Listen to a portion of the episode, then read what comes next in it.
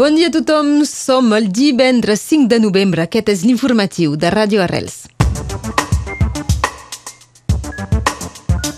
Demà, a Perpinyà, hi haurà la manifestació i el concert de la Diada de Catalunya Nord.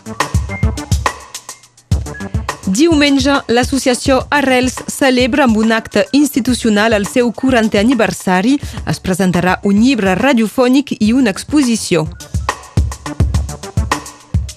Alexandre Chartrand guanya un premi de realitzadors de Quebec amb el seu documental sobre el referèndum de l'1 d'octubre del 2017.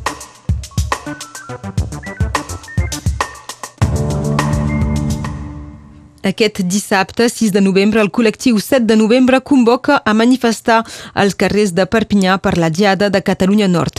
Sota el lema Obrim fronteres, esborrem el Tractat dels Pirineus, l'inici de la manifestació serà a les 4 de la tarda, plaça Catalunya. S'acabarà al peu del Castellet, on recordem que l'Ajuntament de Perpinyà ha impedit que s'hi desplegui una estelada com cada any. Al vespre, una marxa de torxes anirà fins a la Casa Musical, on es farà el concert amb tres grups Tata, Trau i el Bel i el conjunt Badabadoc.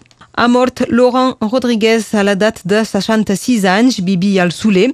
Era el fundador de l'associació Les Foulards Verts per sensibilitzar i lluitar contra la malaltia que patia l'esclerosi lateral amiotròfica, de vegades anomenada malaltia de Lou Gehrig o de Charcot. La taxa d'incidència de la Covid està baixant a Catalunya Nord. Aquest dijous era de 61 casos per 100.000 habitants, quan dos dies abans era de 69.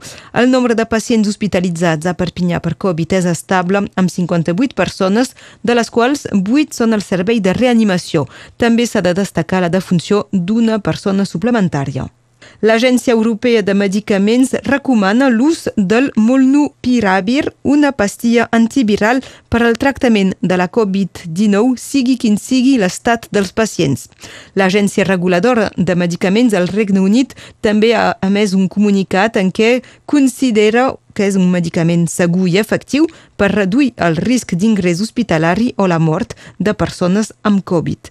El molnupiravir comercialitzat per Merck es pren per via oral i pot reduir l'impacte de la Covid en els pacients contagiats. Avui l'associació Bou Cultural proposa una conferència en relació amb la Diada de Catalunya Nord Michel Bouguin parlarà de la rocambolesca història del Tractat dels Pirineus 1658-1660, una temàtica que ha tractat en un llibre epònim. Tindrà lloc a la sala de casaments de Bou a partir de les sis i mitja de la tarda. La conferència de la SASL, Societat Agrícola Científica i Literari, prevista per aquest divendres a càrrec del Bruno Sagondi, en canvi és anul·lada.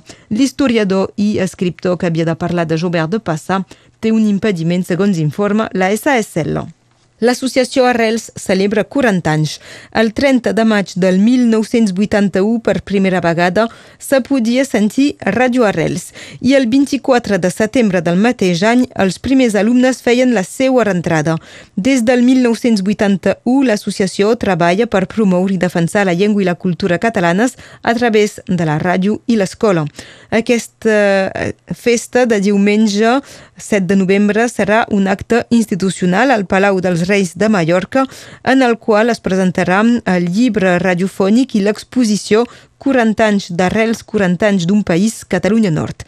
Escoltem Eric Forcada, comissari d'exposicions, historiador de l'art i antic col·laborador de la ràdio que ha coordinat aquest llibre radiofònic i exposició aquests 40 anys que celebra l'associació Arrels, tenia de tenir potser un objecte o un element de reflexió sobre justament les aportacions d'aquesta ràdio, d'aquesta escola i de, doncs d'aquesta associació al llarg d'aquests 40 anys. L'encàrrec del CA de l'associació Arrels va ser clar, és a dir que s'havia de reivindicar una producció cultural en direcció del país, el que sempre va ser uh, l'associació Arrels, també respectant la seva identitat i cal dir si realment el que hem fet com a experiment col·lectiu, la memòria que volíem eh, presentar era una memòria col·lectiva o comuna, comuna a l'associació i comuna al país. És a dir, tornar a treballar no l'aniversari de l'associació com a element motor de, uh, del país, uh, un exclusivament, i fer doncs, unes celebracions autocentrades, sinó al contrari que aquest aniversari d'aquests 40 anys permeti de tenir una visió de tots els aniversaris que es poden o que es podrien celebrar i que van tenir lloc doncs, aquestes dates, aquests últims 40 anys. Eren les paraules d'Eric Forcada, comissari d'exposició historiador de l'art, i també coordinador del llibre radiofònic i l'exposició 40 anys d'arrels, 40 anys d'un país. Aquesta exposició té un format itinerant i també es podrà veure a la Casa de la Generalitat de Perpinyà la setmana que ve, a partir del dilluns, durant tota la setmana, excepte doncs, el dissabte, on anirà fins a Pirineu, on tindrà lloc la segona part de la celebració d'aquests 40 anys, eh, com dèiem, el dissabte 13 de novembre. Aquest eh, diumenge serà el primer del mes i ell n'acollirà el 13è Mercat de la Terra. Per aquesta ocasió, Joan Lluís Mas, president de l'Associació Terra dels Avis, oferirà una conferència a les 11 del matí sobre l'història de l'agricultura, la seva revifà i modernització a Elna i la Baixa Vall del Tec l'any 1896. Aquests 4 i 5 de novembre, és a dir, ahir i avui, se celebra a Giron el cinquè congrés dels col·legis d'advocats catalans, al qual participen els advocats de Catalunya Nord. És un moment d'intercanvi d'experiències sobre l'evolució de la societat en relació amb els drets fonamentals i mediambientals. El realitzador quebequès Alexandre Chartrand va guanyar ahir el Premi Real autorgat per l'Associació de Realitzadors i Realitzadores del Quebec amb el seu documental sobre el referèndum d'independència de Catalunya avec un sourire la révolution. Chartrand ha dedicat aquest premi als exiliats i represaliats catalans. Passem als esports. En rugby parlem del top 14. Aquest dissabte l'USAP jugarà a partir de les 2 i 45 minuts al camp del Tolosa.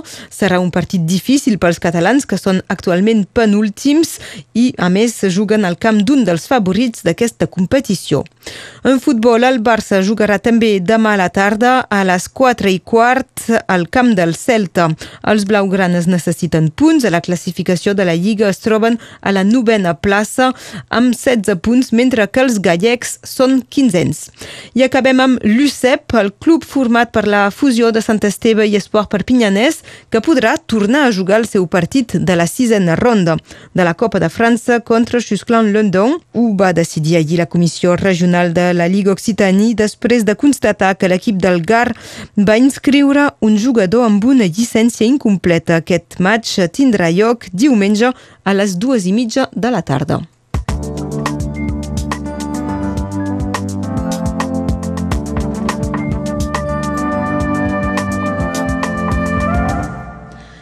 Passem ara a la previsió del temps amb l'Enric Balaguer.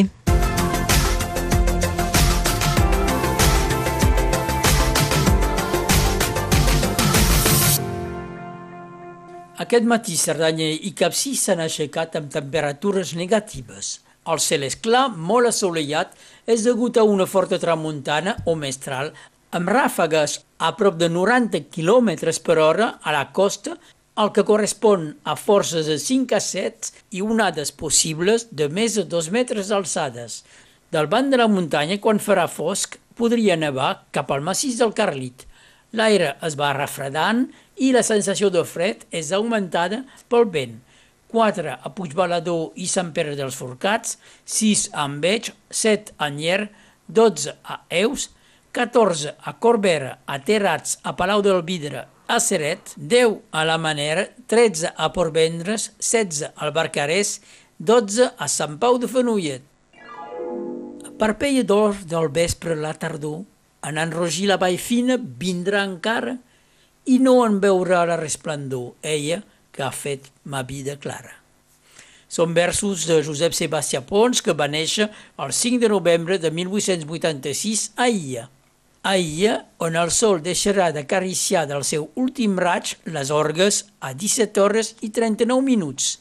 Avui és Sant Zacàries, Sant Isabel o Elisabet. Elisabet és un personatge bíblic, cosina de la Verge Maria, esposa dels Zacàries i mare de Sant Joan Batista.